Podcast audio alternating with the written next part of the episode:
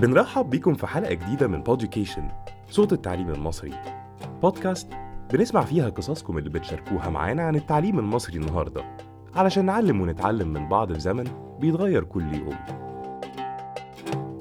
الحوار هي سلسلة حلقات ل Poducation هنسمع فيها لقاءات مع صناع القرار والطلبة والمدرسين وأولياء الأمور عن التعليم المصري النهاردة. وحوار النهاردة هيكون مع الأستاذ محمود داوود. منسق التدريب والتسويق لبنك المعرفة المصري.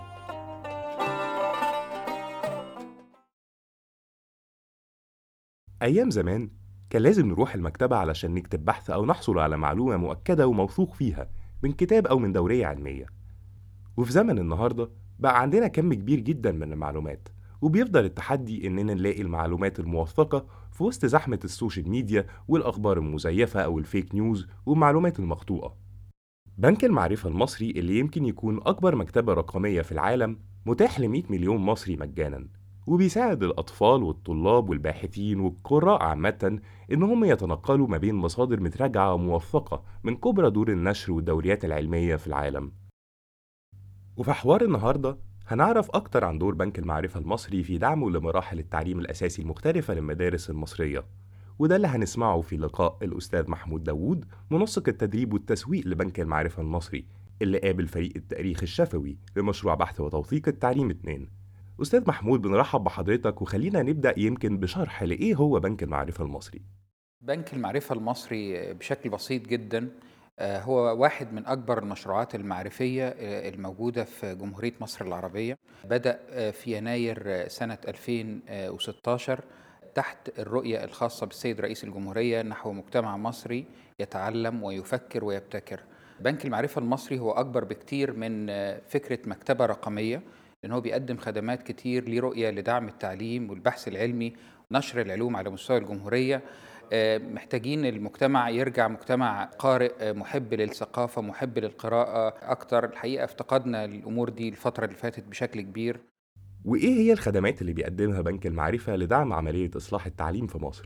هو هو طبعا بشكل بسيط كل الناس عارفة إن بيحصل في مصر دلوقتي مش إصلاح لنظام التعليم هو نظام تعليم جديد نظام التعليم الجديد ده بيطبق في رياض الأطفال من كي جي 1 كي جي 2 وبعد كده أولى ابتدائي ثانية ابتدائي وفي كمان زي تعديل أو تقويم للنظام القديم. ده بيتم في الجزء الخاص بالمرحلة الثانوية الخاص بأولى ثانوي ثانية ثانوي وثالثه ثانوي اللي بيتوزع عليهم التابلتس. شركاء بنك المعرفة اللي بيشتغلوا معانا في بنك المعرفة المصري وبيوفروا عدد كبير جدا من المصادر العالمية طبعا الموجودة للتعليم الأساسي وفقا للمعايير العالمية واللي بتحقق معايير معينة بتحتاجها وزارة التربية والتعليم بيساهموا أو بيساعدوا مع الوزارة في إعداد ال ال الإطار العام للمناهج الجديدة اللي الوزارة بتقدمها للطلبة في طبعا المراحل اللي هي رياض الأطفال والمراحل الابتدائية لحد ما يوصلوا في الجزء البرنامج الخاص بالوزارة لنهاية التعليم الأساسي. وفي نفس الوقت الشركات دي أو دور النشر دي بي بيعملوا بيقوموا بعملية تأليف authoring لل learning objects موضوعات تعليمية. الموضوعات التعليمية دي معمولة بناء على ال learning outcomes أو مخرجات التعلم اللي محدداها وزارة التربية والتعليم ومتحددة طبعا في إطار معايير دولية عشان نقدر إن إحنا نوصل قريب لتصنيف دولي للتعليم الحكومي اللي, بي اللي بتقوم أو بتراقب عليه أو بت بتديره وزارة التربية والتعليم المصرية. ال learning objects أو الموضوعات التعليمية موجودة على نظام لإدارة التعلم على بنك المعرفة. فممكن نعرف من حضرتك أكتر عن نظام إدارة التعلم أو ال learning management system؟ نظام إدارة التعلم بشكل بسيط جدا معتمد من وزارة التربية والتعليم والتعليم الفني بيبحث بيسمح لي إن أنا أبحث عن ال learning object اللي أنا محتاجه بشكل بسيط وفي نفس الوقت بيديني كل المصادر المفضلة ليا سواء في اللغة العربية التاريخ الجغرافيا الأحياء الكيمياء الفيزياء كل المواد اللي بيدرسها الطلبة في المراحل التعليمية المختلفة. آه، عندنا التصفح بكذا طريقة على آه، نظام إدارة التعلم نقدر إن إحنا نستفيد بيه وعندنا هنا قائمة فيها كل الحاجات اللي إحنا نقدر إن إحنا نوفرها للطالب. طبعا دي كلها customize نقدر إن إحنا نغيرها آه، بشكل مستمر ونقدر إن إحنا نرجع للمصادر كلها بتاعت بنك المعرفة من خلال القائمة. لو كان الطالب عايز يزود المعلومات اللي عنده عن المصادر اللي محددها الوزارة نقدر إن إحنا ندخله بقى على ال encyclopedias المفتوحة على بنك المعرفة على مصادر آه، أكتر يقدر إن هو يستفيد بيها آه، لو كان حابب إن هو يعمل project أو غيره من المشروعات الدراسية المطلوبة منه في المدرسة. طيب وهل منصة إدارة التعلم موجودة بالعربي بس ولا في لغات تانية؟ طبعا نظام إدارة التعلم ده موجود باللغتين العربية والإنجليزية. طبعا دي تعتبر قفزة كبيرة للتعليم في مصر بس هل بيتم تدريبات على الطرق الجديدة دي في التعليم؟ طبعا بيتم عدد كبير جدا من ورش العمل المتخصصة ورش العمل المتخصصة دي بتساعد المدرسين أو المعلمين آه، في استيعاب الطرق الحديثة التدريس أو آه، التعليم إزاي يقدروا إن هم يوصلوا المعلومات للطلبة بطريقة آه، بسيطة وسهلة وما ينسوهاش قائمة على الفهم مش على الحفظ وبرضو الطرق دي بتساعد على المشاركة في ال classroom ما بين الطلبة بشكل ما تعودوش إن هم يشتغلوا عليه آه، قبل كده. الحقيقة الرؤية جديدة خالص. آه، أنا أيام ما كنت في المدرسة كانوا دايما يقولوا لي ما تطلعش بره الكتاب المدرسي لازم تذاكر بس من الكتاب المدرسي لما ابتديت أعمل ماجستير فكان أول سؤال ليا بعد أول محاضرة في الماجستير أذاكر منين؟ طبعا دي كانت حاجة آه، مضحكة جدا. أذاكر منين؟ مفيش حاجة اسمها تذاكر منين. أنت دلوقتي بتعمل projects وال projects دي محتاجة ال science هو ال science في أي مكان.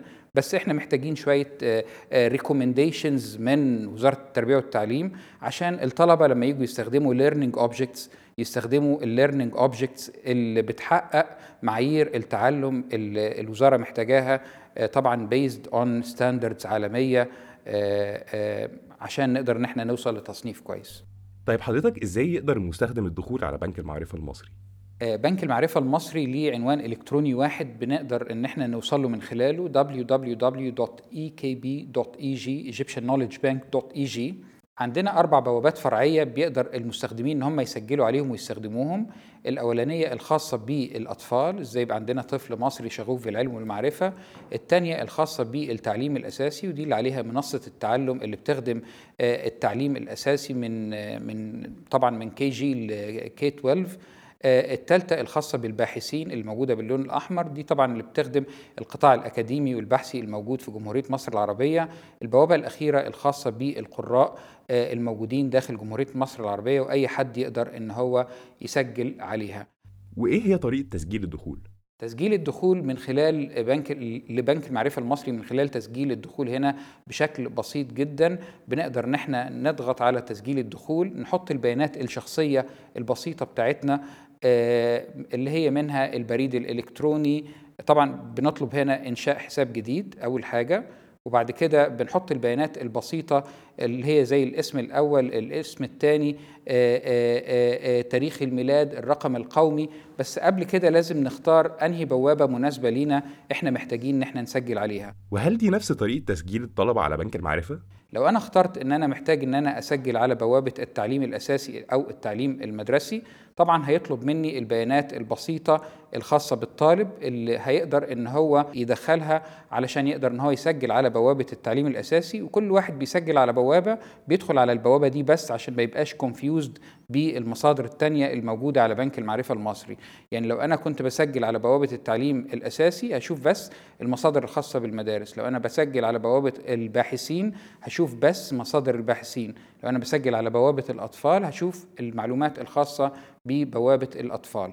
طيب لو أنا خلصت عملية التسجيل وعايز أرجع تاني لبنك المعرفة المصري علشان بقى أعمل اللوجن بعد عملية التسجيل بشكل بسيط جدا بنقدر إن إحنا آه، ندخل على البوابة اللي إحنا مسجلين عليها مثلا بوابة الطلبة في التعليم الأساسي من كي تو كي 12 بندخل على نظام إدارة التعلم بشكل بسيط جدا وبنشوف إيه هي المصادر الموجودة اللي بتخدم الطلبة في المراحل التعليمية آه، المختلفة. أستاذ محمود بشكرك وأكيد هنستضيف حضرتك في حلقة قريب علشان نتعرف أكتر على بحر المعرفة المتوفر على بنك المعرفة المصري. وبكده نكون وصلنا لآخر حلقتنا النهاردة. شاركونا قصصكم من خلال صفحاتنا على ال social media وهنذيعها على صوت التعليم المصري.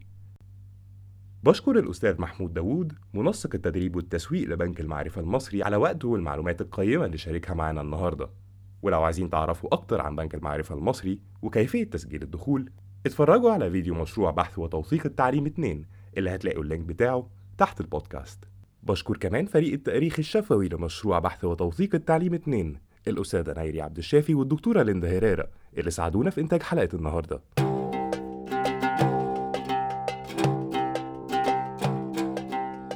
Poducation من إنتاج مشروع بحث وتوثيق التعليم 2 أنا عبد الحميد محمود ودي Poducation.